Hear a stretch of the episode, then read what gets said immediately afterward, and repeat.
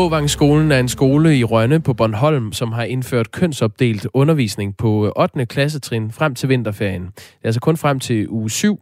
De havde deres første dag i går, og øh, det her det har øh, sat ild til en debat i Danmark om, hvorvidt det er i orden, at man øh, kønsopdeler øh, folkeskoleklasser for at få mere ro på undervisningen. Spørgsmålet er, hvordan det virker. Øh, har det egentlig en effekt? Det kommer vi til at tale med en børnehaveklasseleder om, som selv har prøvet øh, det her med at undervise drenge og piger hver for sig. Og det gør vi øh, her om 10 minutter. Lige nu der er klokken 6 minutter over 7, og du lytter altså til Radio 4 morgen med Jakob Grosen og Dagmar Eben Østergaard. Godmorgen. Godmorgen. Efter flere dages debat, så er der ikke lempelser af coronarestriktionerne i sigte. Heller ikke efter et møde mellem regeringen og Folketingets sundhedsordfører om coronasituationen i går. Her var et flertal nemlig imod lempelser, i hvert fald for nuværende. Men det får altså ikke øh, kritikken til at forstumme. Godmorgen, Lars Bøge Mathisen. Godmorgen. Du er blandt andet sundhedsordfører for øh, Nye Borgerlige. Og du mener ikke, der er øh, nogen dokumentation for, at det skulle virke og beholde de nuværende restriktioner. Hvad er det for noget dokumentation, du mangler? Ja, må, må jeg lige sige først, at uh, med jeres andet indslag med at opdele undervisning, uh, nu har jeg selv været lærer ja. i, i, i godt 20 år, og, og det har altså foregået derude, men det har bare ikke været i medierne. Det er noget, vi altid har gjort, så det, det her gør man i, i kortere perioder, hvis det lige passer, fordi der er forskel på drenge og piger. Det kan give nogle gode dynamikker, så det har man gjort mange gange. Ja, helt kort. Nu, nu, nu, nu er det så bare sjovt, nu er det i medierne. Nå, ja. tilbage til det, vi er for. men jeg vil bare lige kort høre dig, Lars Bøge, når nu du bringer det på banen selv, og du er jo, som du siger, også øh, sådan set lærer. Hvad, hvad, hvad tænker du om øh, kønsopdelingen? Er det en god idé? Øh, øh, men det kommer jo an på, om, om du kønsopdeler for at kønsopdele. Men, men hvis du gør det i en kort periode, fordi du vil tilpasse din, din undervisning og lave nogle pædagogiske overvejelser og, og tilpasser for så siger, så har drengene måske noget, noget med matematik, som handler mere om, omkring fodbold og noget andet, som man ved, der har deres interesse. Øh, så, det, så kan det være en fin idé. Der kan være nogle, nogle piger, som har mere behov for, for en, en stille og rolig undervisning, som går mere i dybden, hvor de sidder og snakker, hvor måske nogle drenge har, har, har behov for at bevæge sig mere. Altså, det, der er det afgørende, det er, at det tager konkret pædagogisk og didaktisk øh, udgangspunkt i de konkrete elever, du har med at gøre. Altså, det, ja, der... nu, nu uh, Lars Bøge, nu vi er ved det her emne, det er jo egentlig ikke det, vi har inviteret dig ind for, men uh, vi skal omkring det lige om lidt, så det er sådan set relevant nok at få dit indspark. Det, de har uh, meldt ud fra skoleledelsens uh, side, det er, at de i perioder oplever, at pigerne og drengene forstyrrer hinanden unødigt i 8. klasse. Og det er derfor, man vil ændre nogle af de dynamikker, som ikke altid er givetige for undervisningen. Det har de skrevet ud til, til forældrene på Aula. Synes du, det giver mening? Altså, der er, der er lidt for meget fløjt og lidt for mange lange blikke, at ligesom det, man må forstå. Nej, altså, jeg, jeg synes meget, meget, man skal skille, om det er noget, man gør af, af didaktiske årsager, altså i forhold ind til undervisning og konkret undervisning. Og det andet, det, det er det, der hedder classroom management, om en lærer er i stand til at håndtere en, en klasse. Og jeg synes ikke, man skal på baggrund af det gå, gå ind og gøre det. Der, der skiller jeg i hvert fald med det, at det skal være fagligt øh, begrundet, at man gør det.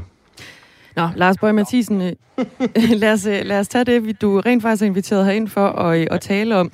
Du er jo nemlig sundhedsordfører for, for Nye Borgerlige, og du mener altså ikke, der er nogen dokumentation for, at det skulle virke og beholde de nuværende restriktioner. Hvad er det for noget dokumentation, du, du mangler lige pt?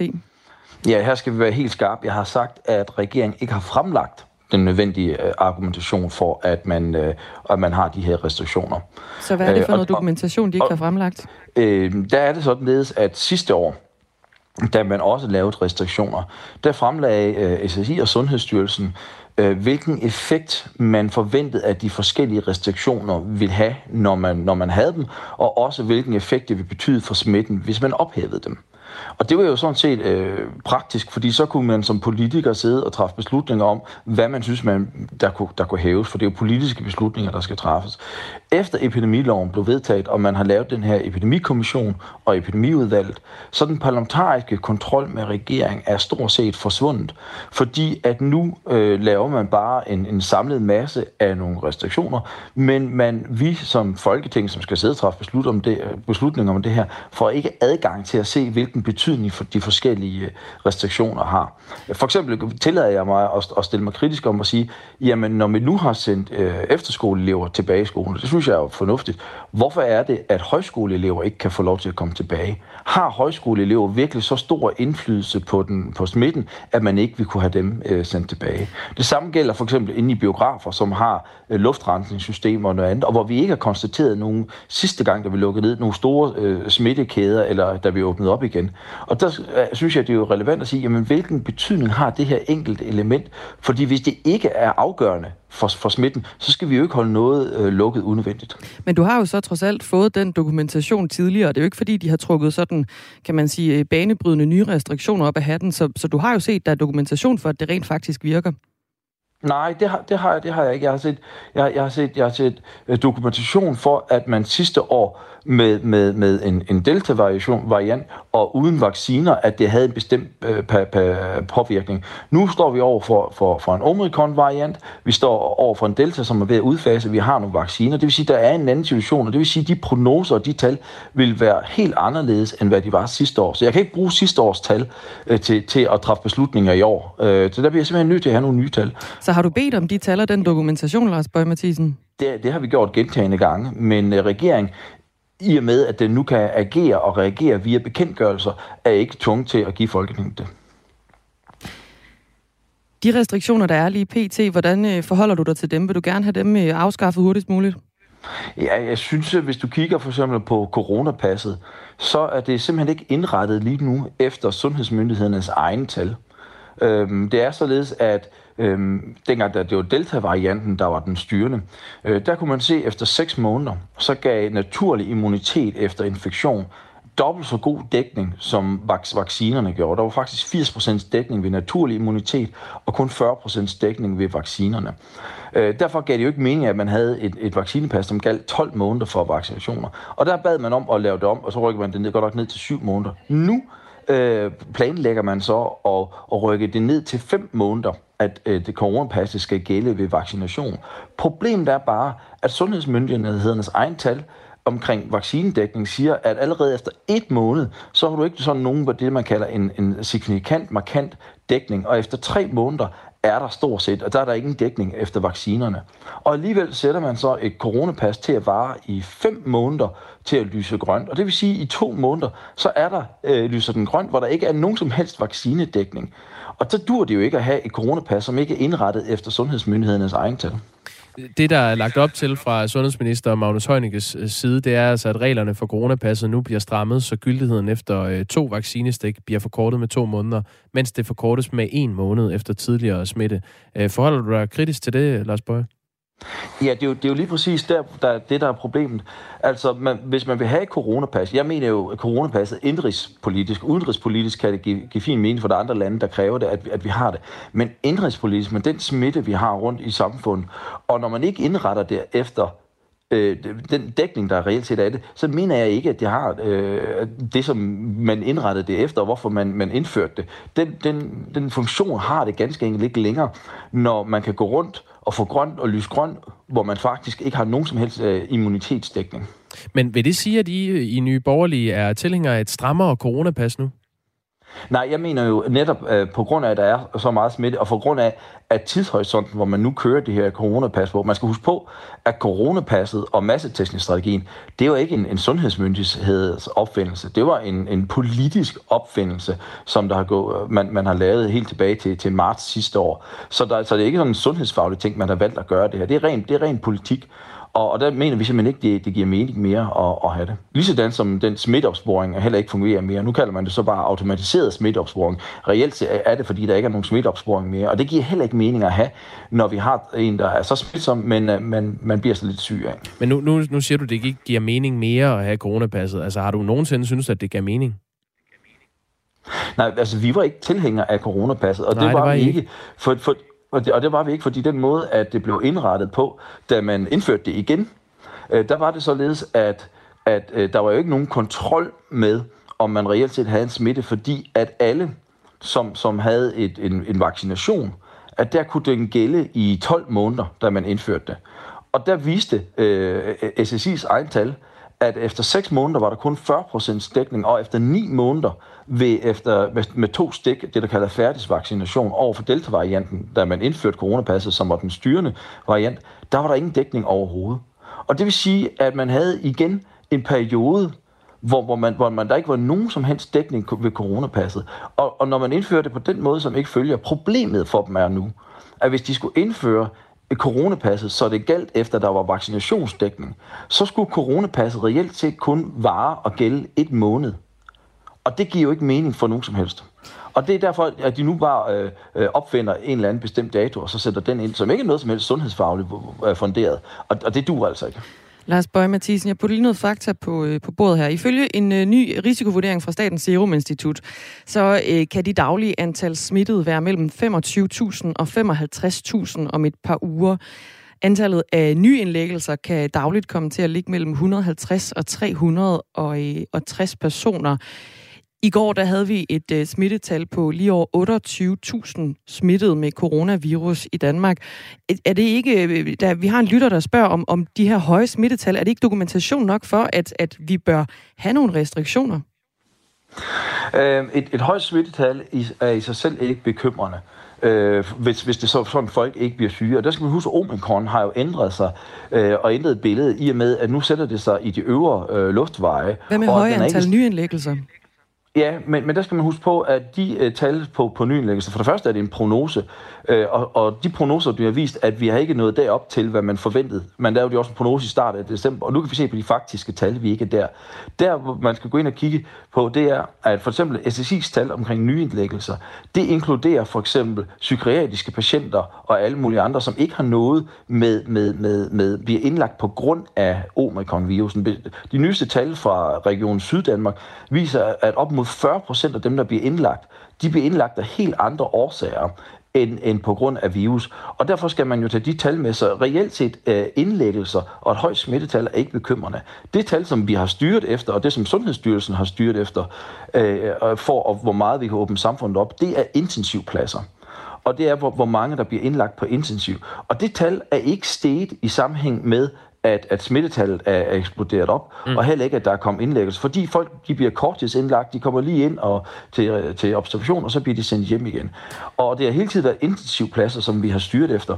Og der er altså ikke en, en eksplosion i, i det. Lars Bøge, lige kort her til sidst. Ja, hvis vi, hvis vi kigger, januar, Lars Bøge, vi skal, vi skal lige omkring en uh, ting her til sidst. Uh, Epidemikommissionen øh, som rådgiver Folketinget. Det er en, en kommission, der, der består af eksperter, øh, som kommer med nogle indstillinger. Og de kom i går øh, med den indstilling, at øh, det ikke giver mening lige nu at ophæve restriktionerne, netop fordi, at man i den her nyeste vurdering ser på, at skolebørn i går vendte tilbage i skole, og det vil i forvejen øge kontakten i samfundet, og dermed den mulige smitte. Så Epidemikommissionen, som består af eksperter, siger, lige nu øh, er der ikke øh, grundlag for at ophæve restriktionerne. Hvorfor ved du bedre end de eksperter, der sidder i Epidemikommissionen? Ja, det er en sjov øh, fejl, som, som medierne bliver ved med at lave, at den her epidemikommission skulle være et eller andet selvstændigt organ. Altså, epidemikommissionen er, er reelt set og er en alene regeringens forlængede arm.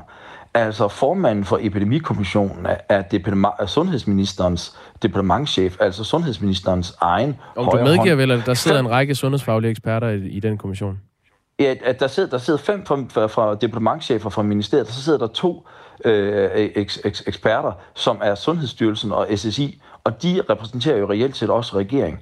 Der, det, som, som, som der gør, og det, der, hvor, hvor, der, hvor der er, kan man sige, eksterne eksperter, som kommer ind, det er, at der står i epidemiloven, at de skal spørge og rådføre sig med to eksterne eksperter. Og det skal de gøre, og det er de øh, reelle eksterne eksperter, der, som bliver hørt der. Problemet er så, at man ofte rådfører sig med de øh, eksterne eksperter, som har været med til at lave øh, strategien for coronahåndteringen. Og en, og en forestilling om, at de skulle gå ud og tale fuldstændig imod den strategi, som de selv har været med til. Øh, der, der vil jeg altså anbefale, at man fra journalistisk side begynder at dykke lidt ned i, hvad er den her epidemikommission? Har den nogensinde lavet nogle indstillinger, som ikke er clearet med regeringen først? Har den nogensinde sagt noget, som ikke er fuldstændig i, alignment med det, som regeringen kommer ud med? Og så vil man finde ud af, at nej, det har den ikke. Så, så forestillingen om, at epidemikommission er Lars en selvstændig tænkende instans, det, det er simpelthen en, et, et falsum. Lars Bøge Mathisen, tak for uh, tippet, og tak fordi du var med her. Det var så lidt. Blandt andet sundhedsordfører for Nye Borgerlige. Klokken er 20 minutter over syv. Du lytter til Radio 4 morgen. På Overvangsskolen på Bornholm er det slut med at øh, sende lange blikke efter den der dreng, man synes er meget sød. I hvert fald, hvis man øh, er en pige og går i 8. klasse. Eller man kan også sige, at blikkene skal være endnu længere, end de har skulle være øh, hidtil. Fordi Overvangsskolen har nemlig valgt at opdele 8. Øh, årgang den kommende måned efter køn, så hver klasse nu bliver to hold. Et kun med drenge og et kun med piger. Og det har skabt øh, landsdækkende debat. En af øh, eleverne fra årgangen øh, havde vi med her tidligere på morgen i Radio 4 Morgen. Han hedder Noah Støtterav Kaminski Brom. Han er 14 år, og han er umiddelbart positiv efter den første dag kun i en drengeklasse.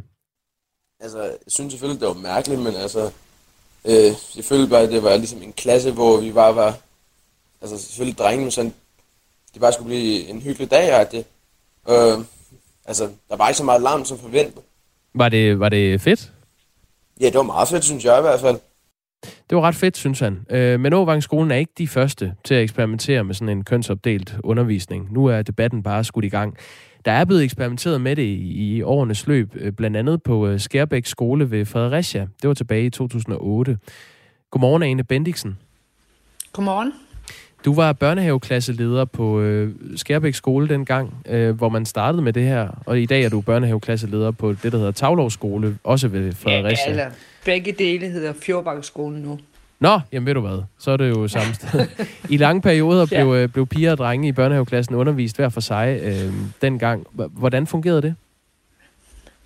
Jamen, øh, vi gjorde altid det, at øh, de startede efter sommerferien i en drengeklasse og en pigeklasse.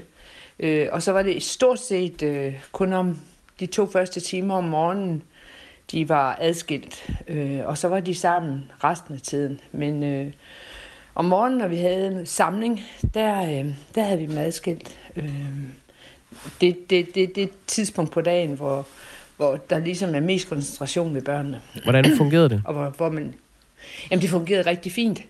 Øh, der var mulighed for, fordi at, at øh, vores øh, største mission var faktisk at give alle børn en god skolestart. Og øh, det er sådan, at der er nogle børn, som synes, det er lidt svært at starte i skole, og det er, der er flest drenge der. Øh, og så prøvede vi på den måde ved at dele dem, og undskyld, at imødekomme øh, deres, øh, øh, deres måde at starte i skole på, ved at altså, de skulle for eksempel ikke stå stille så længe som pigerne. Mm, men... Fordi drenge, så, så skal der ske noget nyt. Der skal, de skal, der skal være afveksling på, hvor piger de meget længere gerne bare vil sidde og snakke. Og hvis det virker så godt, hvorfor gjorde I det så kun noget af tiden? Øh, jo, fordi de skal jo også være sammen.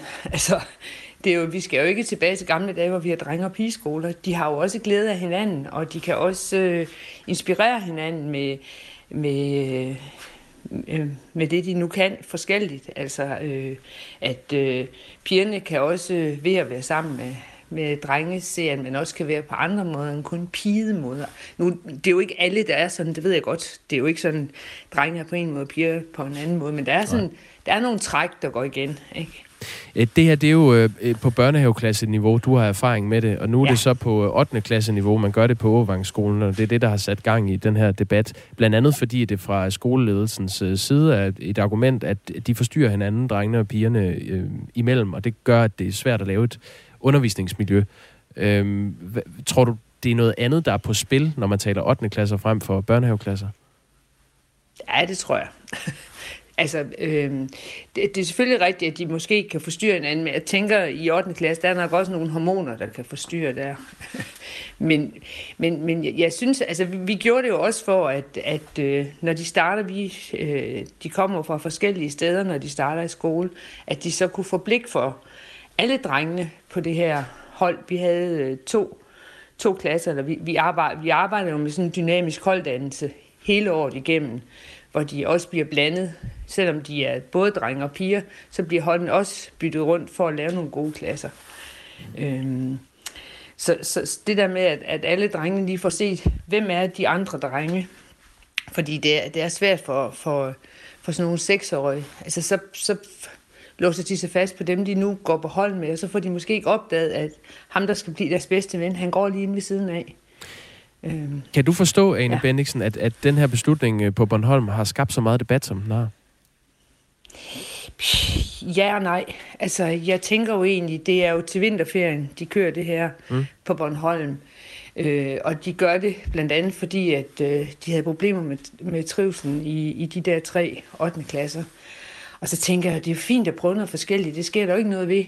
Jeg, jeg tænker jo, at, at det gør vi jo alle sammen, at man, man prøver jo hele tiden at lave, lave tingene bedre. Øh, og det kan jo godt være, at det ikke det viser sig, at det ikke er godt, men der skal jo ikke noget ved at prøve det i en 5-6 uger. Det er der jo ikke nogen, der sådan tager skade af, tænker jeg. Tak fordi du var med her. få nogle erfaringer.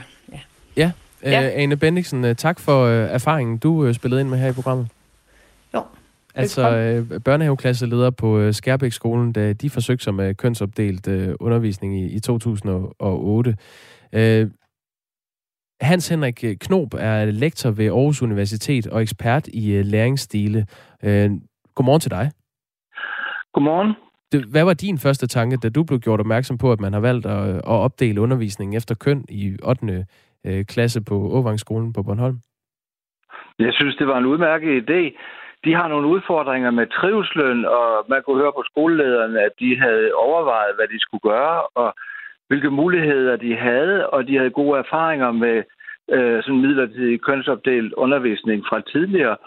Øh, så det er sådan et pædagogisk greb, blandt mange andre, man kan benytte sig af. Så det, jeg synes, det lød som en moden overvejelse. Og så skal man selvfølgelig passe på, at der ikke er nogen, der kommer i klemme ved det. At øh, man så ikke får etableret sådan nogle meget mobbende pige klasser og nogle meget brutale drengeklasser eller sådan et eller andet. Men det er skolen tydeligvis meget opmærksom på, så, så, så det, jeg, jeg tænker, det er et udmærket forsøg. Det er jo også et godt forsøg i lyset af, at øh, kønsforskelle ofte er underbetonet. Altså, alle ved, der er forskel på drenge og piger. Ikke? Hvis man kigger sig rundt i en, en klasse, så er der ingen, der er i tvivl om, hvem der er en dreng og en pige. Og, og det er altså rent genetisk, øh, at man, man afgør, om det er en dreng eller en pige, man, man kigger på. Øh, og på samme måde er vi jo inde i, øh, i hovederne, hjernerne, i, i kroppen, også, også forskellige. Og fordi vi har ønsket at komme væk fra kødgryderne og væk fra de her stereotyper og firkantede kønskasser, så er det samtidig blevet meget svært at snakke om de kønsforskelle, der rent faktisk er. Og det betyder, så har det også været svært at tage hensyn til, at der kan være øh, forskellige interesser i skolen, øhm, og, og så kan man heller ikke tage hensyn til det. Og der synes jeg, at det på Bornholm og mange andre steder, at man, man har en moden tilgang til det og forstår, at man kan se børn på mange forskellige måder. Folk har interesser, øh, som er forskellige. Øh, folk har, har talenter, som er forskellige. Og, øh, og der er også forskelle på køn, som man kan tage hensyn til. Så det skal ikke blive sådan en, nogle firkantede kasser, vi etablerer, men det skal heller ikke være forbudt at snakke om, at der faktisk er nogle forskelle. Og det synes jeg, at det her tiltag er et godt eksempel på, at man kan lykkes med. Vi får øh, ret mange sms'er, som øh, mener, at det her det er muslimske regler. Øh, der er en her, der skriver, balladen om kønsopdelt skole leder tankerne hen på islamistisk tankegang, derfor balladen. Der er også en, der spørger, om Åvangsskolen i Rønne er en øh, muslimsk øh, friskole. Det er det altså ikke. Det er øh, Bornholms øh, største skole. Den ligger i den nordlige del af, af Rønne, og det er en øh, almindelig øh, folkeskole. Vi skal lige høre fra øh, Daniel Sonne Mogensen, som er far til en øh, 8. Øh, årgangselev på den her skole. Han er en af dem, der synes, det her det er ikke et godt tiltag. Jeg synes bare, det, det må forvirre de små hoveder, at de både har corona med hjemsendelse, og nogen ligger syge, og, og så oven i det, så skal de kønsopdeles. Jeg tror ikke, det er sundt sådan for, for at være social og sådan i det virkelige liv, der er jo mænd og kvinder på arbejdspladserne. Det skal de jo lære, og det er jo sådan noget, man lærer i skolen. Har han ikke ret i det, Hans Henrik Knob? Jo, altså det, det er klart, at de skal lære øh, verden at kende, som den er. Men, men, men hvis man skal behandle folk retfærdigt, øh, så skal man også kunne tage hensyn til, at de er forskellige. Øh, og og i, i de danske skoler, hvor vi jo har haft, øh, siden 30'erne har vi haft øh, drenge og piger, som er undervist sammen som, som hovedregel, der har vi jo meget høj grad taget hensyn til, at, at, øh, at øh, det er vigtigt at kende det andet køn. Men det, men det kan gå for langt på en måde, så man ikke har blik for, at der faktisk er nogle ting, man kan, øh, når man er sammen med sit eget køn. Og det er det, som øh, for eksempel fritiden meget peger på. Altså, de fleste drenge leger jo med, med drenge i fritiden, og de fleste piger leger med piger i fritiden. Øh, i, øh, også frem til 8. klasse og så mm. videre, mm. fordi der er nogle ting, man kan sammen der. Så det er det modsatte af, hvad kan man sige, totalitær indoktrinering. Det, det, det er snart udtryk for, at man kan tage hensyn til, at, at øh, folk har forskellige interesser, og vi er forskellige. Hans Anna Knob, vi ikke tabuiserer kønsforskelle. Tak for indsparket. Lektor ved øh, Aarhus Universitet og altså ekspert i øh, læringsstile. Klokken er halv otte, og der er nyheder på Radio 4.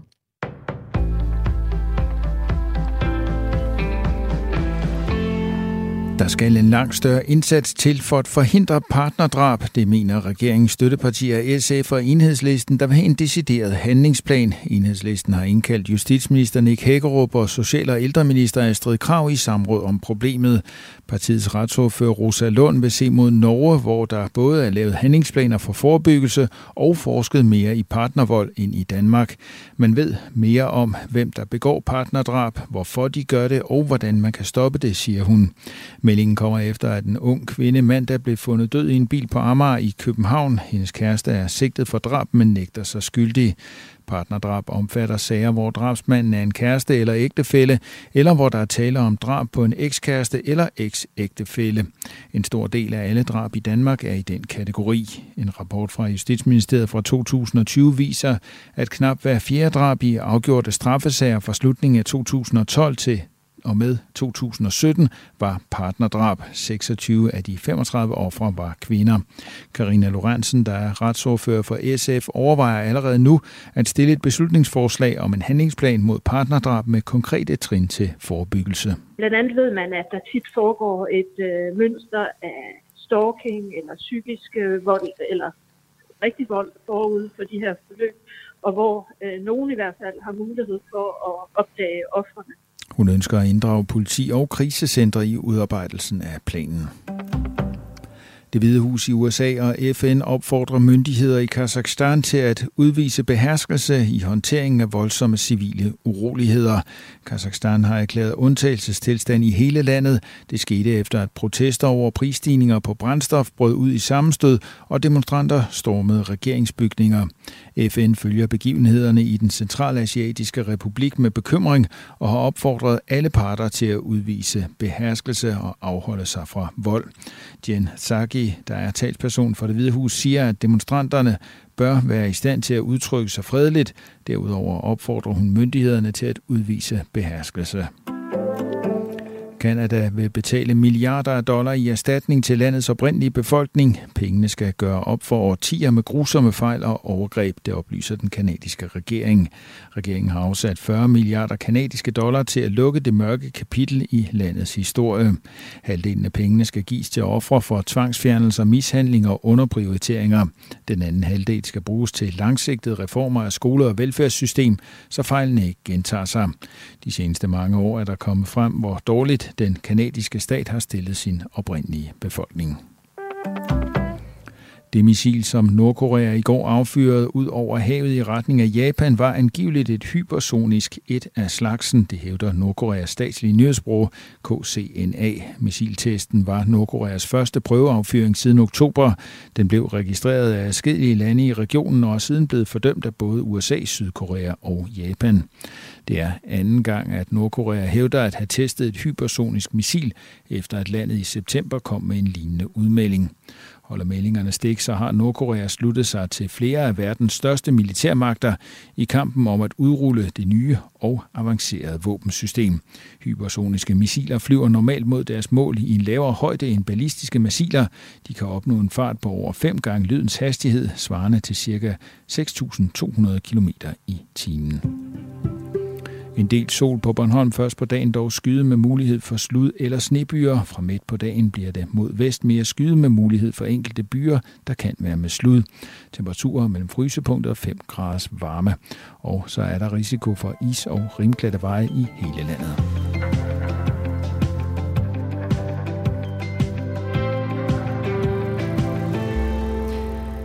Det at dele en klasse op i køn burde være ganske naturligt alt den forskrækkelse over for mennesker er forskellige, og det er vi jo også som køn. Det skal skrinlægges, altså forskrækkelsen. Spørg eleverne bagefter i en evalueringsproces og ager derefter ud fra det. Vi skal nok få mulighed for at finde hinanden bagefter, og så kunne det være, at det faktisk vil være interessant. Det skriver Bo ind på sms'en, der hedder 1424. Kantan skriver curlingforældre. Andet er der ikke at sige til denne sag.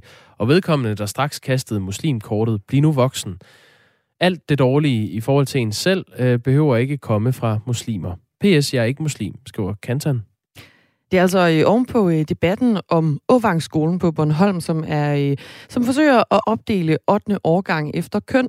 Lige nu frem til vinterferien, så skal de altså have pigerne for sig og drengene for sig, øh, for at, at, at komme lidt, øh, kan vi kalde det fnider til livs? Ja, det er i hvert fald det fra skoleledelsens øh, side er argumentet, at, øh, at drengene og pigerne forstyrrer hinanden, og det er ikke hensigtsmæssigt, øh, hedder det. De har skrevet øh, på Aula. Øh, vores fokus er tryghed og motivation, for det er der, hvor årgangen ikke scorer så højt ud fra den nationale trivselsmåling. Vi har selvfølgelig også fokus på læring, og vi vil også have, fokus, øh, øh have mulighed for at differentiere undervisningen yderligere, så vi kan ramme den enkelte elevs niveau bedre. Der er desuden også flere elever, som har efterspurgt mere holddeling på tværs af årgangen. Og så skriver man altså videre, at, øh, at det er uhensigtsmæssigt, øh, hvordan øh, drengene og pigerne interagerer en gang imellem i undervisningslokalet. Vi har jo, skal vi sige, ihærdigt forsøgt at få øh, skoleleder på Åvangsskolen på Bornholm, Thomas Mogensen, i tale. Men han har ikke vendt tilbage på vores henvendelser. Til BT har han dog forholdt sig til den kritik, der har været. Det er jo nærmest som en debat, den debat, der var efter en skole i Vejle indførte forbud mod, mod crop, crop tops. tops. Ja. Det, det har igen øh, taget stilling til sådan en, øh, en national debat om, hvorvidt det her det er i orden. Vil vi have det i vores øh, folkeskoler? Og øh, han siger altså øh, i TBT, at han er ked af, at initiativet har taget den her drejning i det offentlige rum øh, og bliver tolket som en kønsopdeling, fordi Åvangsskolen ikke er en kønsopdelt skole, øh, siger han til BT, og tilføjer, vi laver holddelinger øh, mange gange på alle klassetrin i løbet af et skoleår. Denne opdeling er blot en af dem. Nogle gange sker det på baggrund af interesser eller af faglige hensyn. Her har elevernes trivsel været i fokus. Og der er kommet flere sms'er ind på øh, historien her, vi altså tager op her til morgen. Daniel skriver ind, min datter har også med mellemrum kønsopdelt undervisning. Der er 34 drenge og 10 piger, så det fungerer godt, at pigerne kan få bedre mulighed for at blive hørt og slippe for drengenes larm. Så jeg kan ikke se problemet. Kenneth synes, det er en god idé. Han skriver, jeg fik personligt ikke meget ud af undervisningen, for jeg var 12 og frem, fordi tankerne konstant blev distraheret af tanker, der ikke omhandlede matematik og dansk, fordi pigerne var begyndt at virke anderledes, når man kiggede på dem. Men det var bare mig og min mening, skriver Kenneth. Og Mia, hun øh, synes nok, det egentlig lyder som en øh, meget fornuftig plan at dele op efter i køn. Der er alt for meget uro, især fra 7. klasse, blandt andet på grund af hormonudviklingen. Nå, okay, ja. Men det, altså, nu, det er på 8. klasse, men det er jo, ja, potato, potato. Så kan man allerede begynde i 7. klasse med at dele dem op efter køn. Hvis man vil. Øh, klokken er 23 øh, minutter i 8. SMS'en er altså åben. 1424 start med R4, lav et mellemrum. Og vi øh, bliver i folkeskolen, men tager øh, turen til et andet klassetrin fordi flere skoler de indfører nu coronatest for 0. klasses eleverne. Og det sker selvom regeringen egentlig har friholdt de mindste fra krav om test. Blandt andet så har Randers Kommune øh, indført test for 0. klasserne, og de er altså ikke de eneste, det siger øh, næstformanden i Skolelederforeningen, Dorte Andreas. Det er noget, vi har set, at det også øh, sker i, i øh, nogle enkelte andre kommuner, hvor man simpelthen de oplever, at man har test til nok, sådan, så man også kan udlevere til, øh, til 0. klasse eleverne. Carsten Fredslund Andersen er skolechef i Randers Kommune. Godmorgen. Godmorgen. Hvorfor indfører I øh, coronatest for øh, 0. klasses eleverne? Altså Sundhedsstyrelsen de skrev ud i går til Ritzau, at deres råd udelukkende går på, at man ikke skal tilbyde test. Øh, da man mener, at det generelt er svært at teste de mindre børn og at de stadigvæk er så nye i skolen, at, at ugenlige test bliver vurderet til at udgøre en ekstra belastning for deres trivsel og, og skoleoplevelse. Så når vi også giver de mindste børn i Randers Kommune tilbuddet, og det er vigtigt for mig at understrege, at det er jo et tilbud. Det er ikke tvang så er det helt, så, og krav? Det er ikke tvang. Det er overhovedet ikke. Det er et tilbud, det er helt frivilligt, og det foregår jo hjemmefra. Øh, fordi på vores skoler i Randers, der er børnenes trivsel og udvikling jo, det er det allervigtigste. Og man kan sige, hvis en lille ven i 0. klasse er utryg ved at blive testet, jamen, så kan mor og far jo bare lade selvtesten ligge derhjemme. Jeg tænker, at formålet med det her selvtest, det handler om, at vi skal, vi skal være med til at mindske spredning af, af virus. Vi skal tage toppen af smittetrykket. Og virus går jo ikke rundt og tjekker, hvilken klasse man går i. Så Vi er både af forældre og medarbejdere spurgt om, jamen hvorfor gælder det her selvtesttilbud ikke 0. klasse? Så man kan sige, at det har vi gjort for at imødekomme ønsket.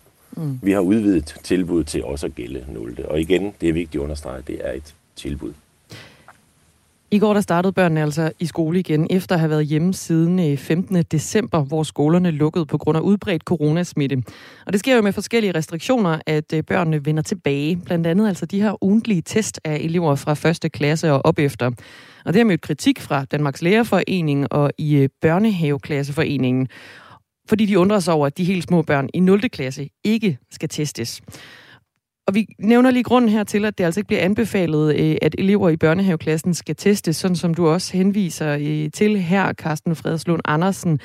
Sundhedsstyrelsen de skriver til Ritzau, som du nævner, at øh, Sundhedsstyrelsen har udelukkende rådgivet om ikke at tage 0. klasserne med, da det generelt er svært at teste de mindre børn, og at 0. klasserne stadig er så nye i skolen, at ugentlige test bliver vurderet til at udgøre en ekstra belastning for deres trivsel og skoleoplevelse hvis det her det går ud over børnenes trivsel og skoleoplevelse ifølge Sundhedsstyrelsen, hvorfor, hvorfor gør I det så indføre de her test for 0. klasses eleverne?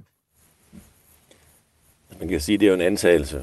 Øh, jeg vil gerne sige, at, at vores børneklassebørn er jo ikke så nye i skolesystemet. De har de fleste af dem været i, i førskolegrupper siden 1. marts sidste år. Og, og netop hvis forældrene vurderer, at det er en belastning, og at de er utrygge ved det, jamen så skal de jo ikke øh, teste deres børn. Det er jo det er derfor, vi siger, at det er jo et tilbud. Øh, men det, som jeg sagde før, det giver jo god mening. Altså vores fælles interesse, det er at tage toppen af smittetrykket. Pas på vores børn. Pas på vores forældre og vores personaler. Så vi synes, det i Randers Kommune giver, giver god mening. Man kan sige, at vi søger mening i det her. Og det meningsfyldte for os, det er, at også 0. klasserne får det her gode tilbud. Tror du måske oven i købet, at det faktisk øh, gør trivselen bedre og skoleoplevelsen bedre, at, at man indfører den her test for 0. klasses eleverne? Altså det vil jeg da håbe. Jeg har ikke fået nogle evalueringer. Jeg kan bare sige, at jeg har fået forspørgseler fra, fra både forældre og personaler. Jamen hvorfor i alverden gælder det ikke 0. klasserne? Så med baggrund eller afsæt i de forspørgseler, så har jeg da en antagelse om, at ja, så vil undervisningsmiljøet blive bedre tilbagemeldingen fra, øh, fra forældrene til børnene i 0. klasse, og børnene selv også i børnehaveklassen. Hvad er tilbagemeldingen fra dem? Jeg kan desværre ikke være så hjælpsom, fordi de er først kommet ud, øh, det var onsdag morgen mm. i går, øh, og vi har fået tiltestene ud. Så jeg tænker ikke, jeg har ikke fået nogen øh, opdaterede tilbagemeldinger. Øh, men jeg vil bare gerne sige til forældrene, at, at det er vigtigt, at, at de lytter til deres børn, hvis, hvis de ikke kan lide at få taget deres test. Øh, så jeg kan ikke rigtig hjælpe dig med friske, med friske data på, på det spørgsmål. Ja, men det er så i orden. Og, og det er også sådan, som jeg forstår det ret her, at hvis nu forældrene de ikke tager imod den her mulighed for, eller anbefaling, opfordring til at teste deres børn, så er det ikke fordi, I, øh, I beder dem om at gøre det igen og igen, eller hvad? Altså det er ikke sådan, I, I, I der er ingen tvang? I, Nej, det gør vi ikke. Det gør vi ikke. Altså, hvis ikke de tager imod tilbuddet, og de ikke ønsker at få selv til skidt med hjem, jamen, så gør vi ingenting. Altså, der er jo ikke tale om, øh, at, vi, at vi tester på skolen, men tester hjemme med selvtest. Så alle 0. klasses børn, de er, de er velkomne i skole, uanset om de er testet eller ej. Og vi har glædet os til at se alle vores elever igen, både dem fra 0. og dem fra 9. Det sagde Carsten øh, Fredslund Andersen. Tak fordi du var med. Ja, selv tak. Skolechef i øh, Randers Kommune, som altså øh, ja, synes, at man bør teste 0. klasses eleverne også, selvom det ikke er en anbefaling fra Sundhedsstyrelsens side. Skilsmissen på Radio 4. Far kan en mor og en far godt være kærester. Fuck, man, ikke? Altså... Hvert andet ægteskab i Danmark går i stykker. Og hvem er man bagefter? Vi taler med 10 kendte danskere om ensomhed, splittede venskaber og om at tage børnene med i faldet. Skiftedag det er noget, fanden har skabt. Find Skilsmissen som podcast og søndag kl. 11.05 her på Radio 4. Det var det helvede for mig. Radio 4 taler med Danmark. Kriminelle i den øh, svenske hovedstad Stockholm samarbejder i stigende grad med danske kriminelle, når det handler om øh, import af narko og våben og øh, sprængstoffer. Det fortalte det svenske politi til Sveriges Radio i begyndelsen af den her uge. Man samarbetar ganska mycket om eh, narkotikaaffärer. Man kan gå ihop eh, och beställa ett eh, narkotikaparti som transporteras till Sverige och sen delas upp mellan nätverken. Ja, man kan altså øh, samarbejde øh, om sammen og bestille et øh, parti narko, og så kan man øh, fordele det derfra, når det kommer til Skandinavien. Og netop den her voksende bandeproblematik i Sverige er noget, som øh, vi beskæftiger os med i det undersøgende program Skyderier over Sundet her på Radio 4. Vi sender øh, afsnit 2 i dag kl. 13.05, øh, og det er så en, det er en anbefalelsesværdig serie, øh, hvis, øh, hvis jeg skal sige det. Jeg synes virkelig, det er god undersøgende journalistik, der bliver lavet her på radioen. Øh, vi har og fået der, nogle sms'er. Ja, det, det. det kan være, at der er nogle lyttere, der i hvert fald øh, vil tage imod opfordringen om, at, eller anbefalingen om at høre øh, de her programmer. Mm. Der er flere, der har skrevet ind på 1424. Ivan skriver, kommer meget ved to kunder i Malmø og Jødeborg. De kan slet ikke styre de kriminelle, fortæller de. I Malmø er 73 procent af beboere af anden etnisk herkomst. Politikerne vil bare ikke erkende, at det er problemet. Der er nogle øh, områder i Sverige, hvor man simpelthen øh, fra svensk hold har sagt fra myndighedernes side, at de har mistet kontrollen over de her områder. Der er områder, som har helt op mod 90 procent øh, udlændinge øh, boende der. Vi har fået en anden sms her. Med henblik på omtalte bandekonflikt, vold, mor med videre vil kun stige med tiden, da flygtningestrømme også vil stige, for slet ikke i fremtiden at tænke på klimaflygtninge.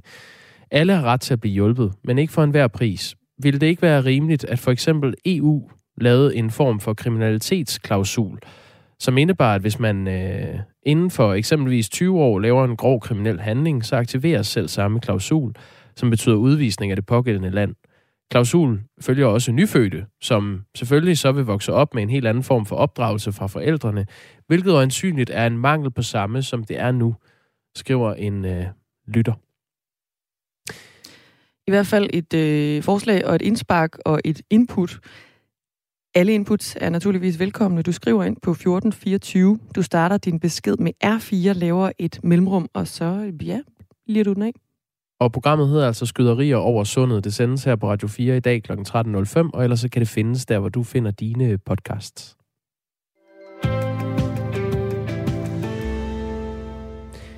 Det er slut med at udskyde vaccinen mod covid-19. I hvert fald, hvis du er italiener og over 50 år gammel.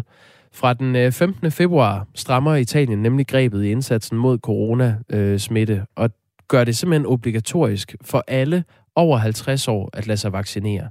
Så alle over 50 år i Italien skal nu lade sig vaccinere mod coronavirus. Eva Ravnbøl er korrespondent i Italien for TV2. Godmorgen. Godmorgen. Hvordan er det her blevet modtaget i Italien?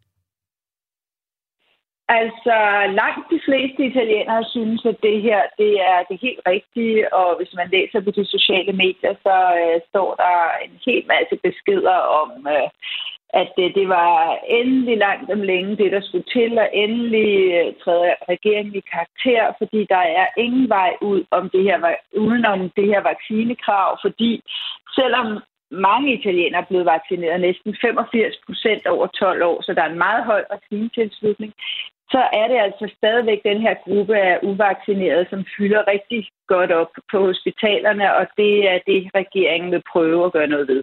Tror du, øh, velvilligheden over for sådan et tiltag er større, fordi Italien har været igennem den øh, periode, hvor hospitalerne fuldstændig knækkede midt over, da, da corona ramte?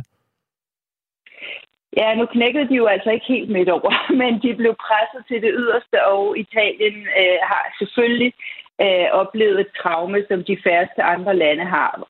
I og med, det var det første land, der blev ramt, og i og med, der var rigtig mange smittet, før man overhovedet opdagede det første tilfælde i Europa, og øh, derfor sidder det selvfølgelig meget dybt i italienerne, at de mistede så mange borgere i øh, første øh, bølge, og i øvrigt også sidste vinter, øh, med op imod 1000 døde om dagen. Så selvom smittetallene er meget høje nu, så er det slet ikke på niveau med den gang. Heldigvis på grund af vaccinerne, så er det nu nogle daglige dødstal på omkring 100-200 personer, hvilket selvfølgelig også er alt for mange, men hospitalerne kan klare den endnu. Men det, man ikke vil øh, hen til, det er, at hospitalerne bliver presset på samme måde. Øh, så derfor er det meldingen fra regeringen og Mario Draghi, regeringslederen, at man er nødt til at gøre det her, også fordi man vil for enhver pris holde skolerne åbne og øh, de, de økonomiske aktiviteter i landet og, øh, og undgå nye nedlukninger. Et øh, presserende spørgsmål, når vi taler om det her, Eva Ravnbøl, det er selvfølgelig, hvad man gør med de italienere over 50, der ikke vil have vaccinen. Hvad er, hvad er sanktionen? Ja, det er jo det helt store spørgsmål. Altså, øh, jeg har læst mig til, at det skulle være 100 euro, man skal betale bøde, hvis man ikke lader sig vaccinere. Men jeg ved så ikke, hvor tit man skal gøre det. Øhm, man skal i hvert fald betale nogle endnu højere bøder, hvis man går på arbejde uden at være vaccineret og er over 50 år. Øh, der kan man komme til at betale mellem 600 og 1500 euro i bøde. Og det er jo selvfølgelig også nemmere at kontrollere dem, der går på arbejde, end for eksempel de arbejdsløse over 50 år, som jo i virkeligheden bare kan gemme sig, øh, sådan som det er nu. Så, så det, det er lidt et åbent spørgsmål, øh, hvor meget de skal tvinges, dem som, som egentlig ikke rigtig cirkulerer i samfundet. Men, men i går øh, vedtog regeringen også at, øh, at udbrede det her super coronapas, som allerede eksisterer her i Italien, altså et vaccinepas, det man nu taler om også at indføre i Frankrig.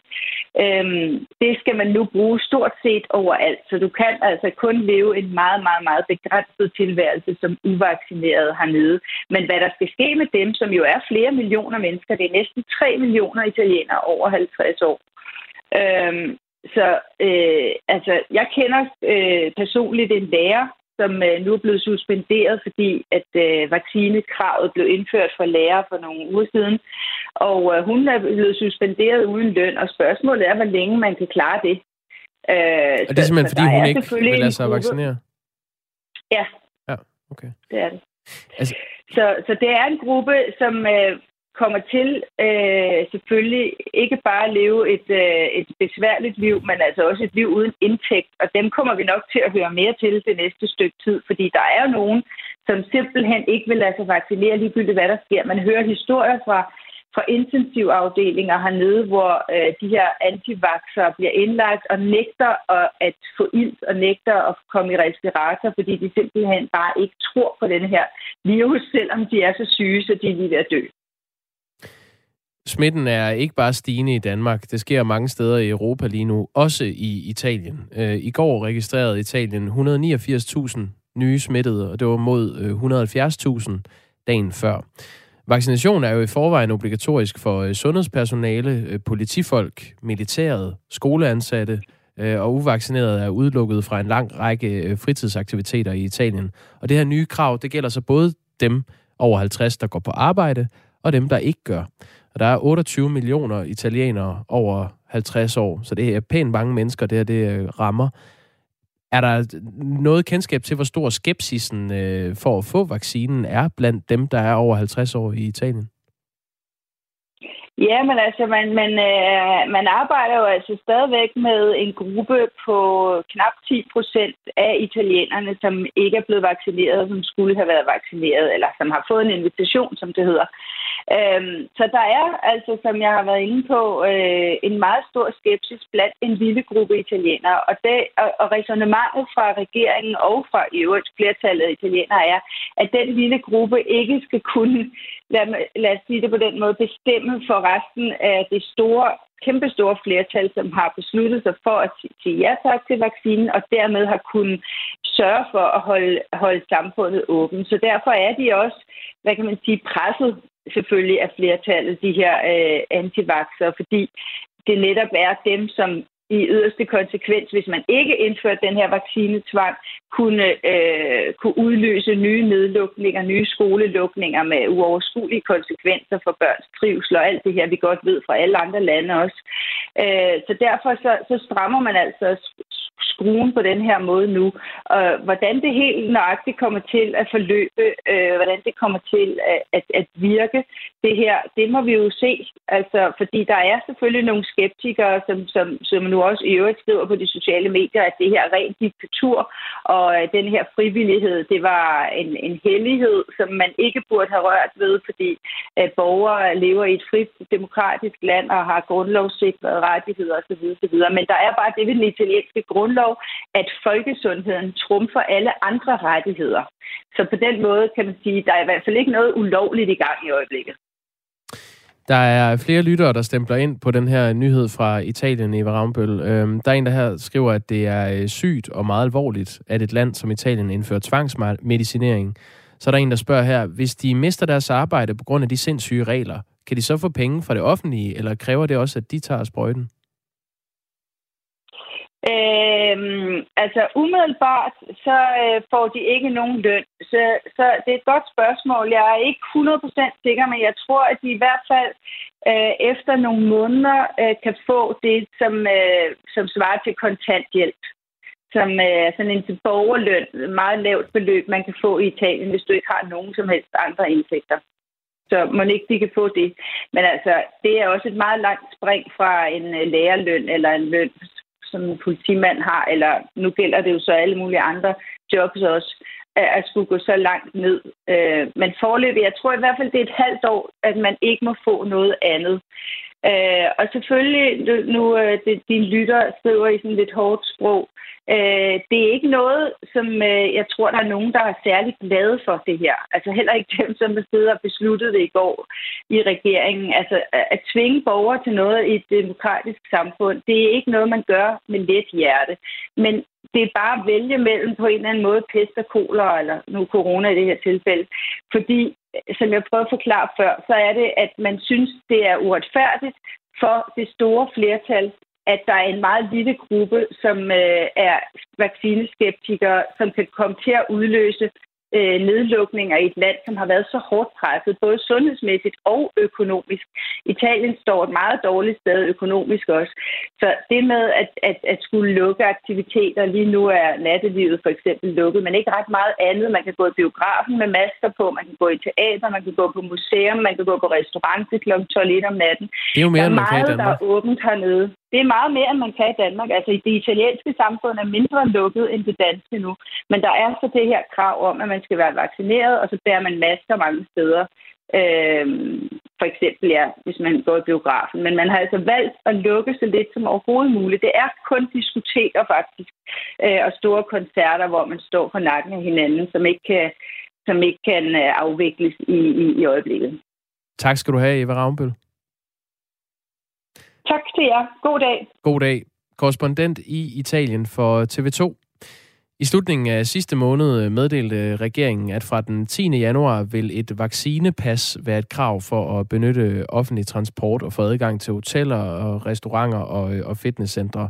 Og tidligere har det, kravet været, at man skulle fremvise et coronapas, der, der altså kunne bevise, at man var blevet testet negativ for coronavirus for nylig. Og det er altså i Italien, jeg taler om her.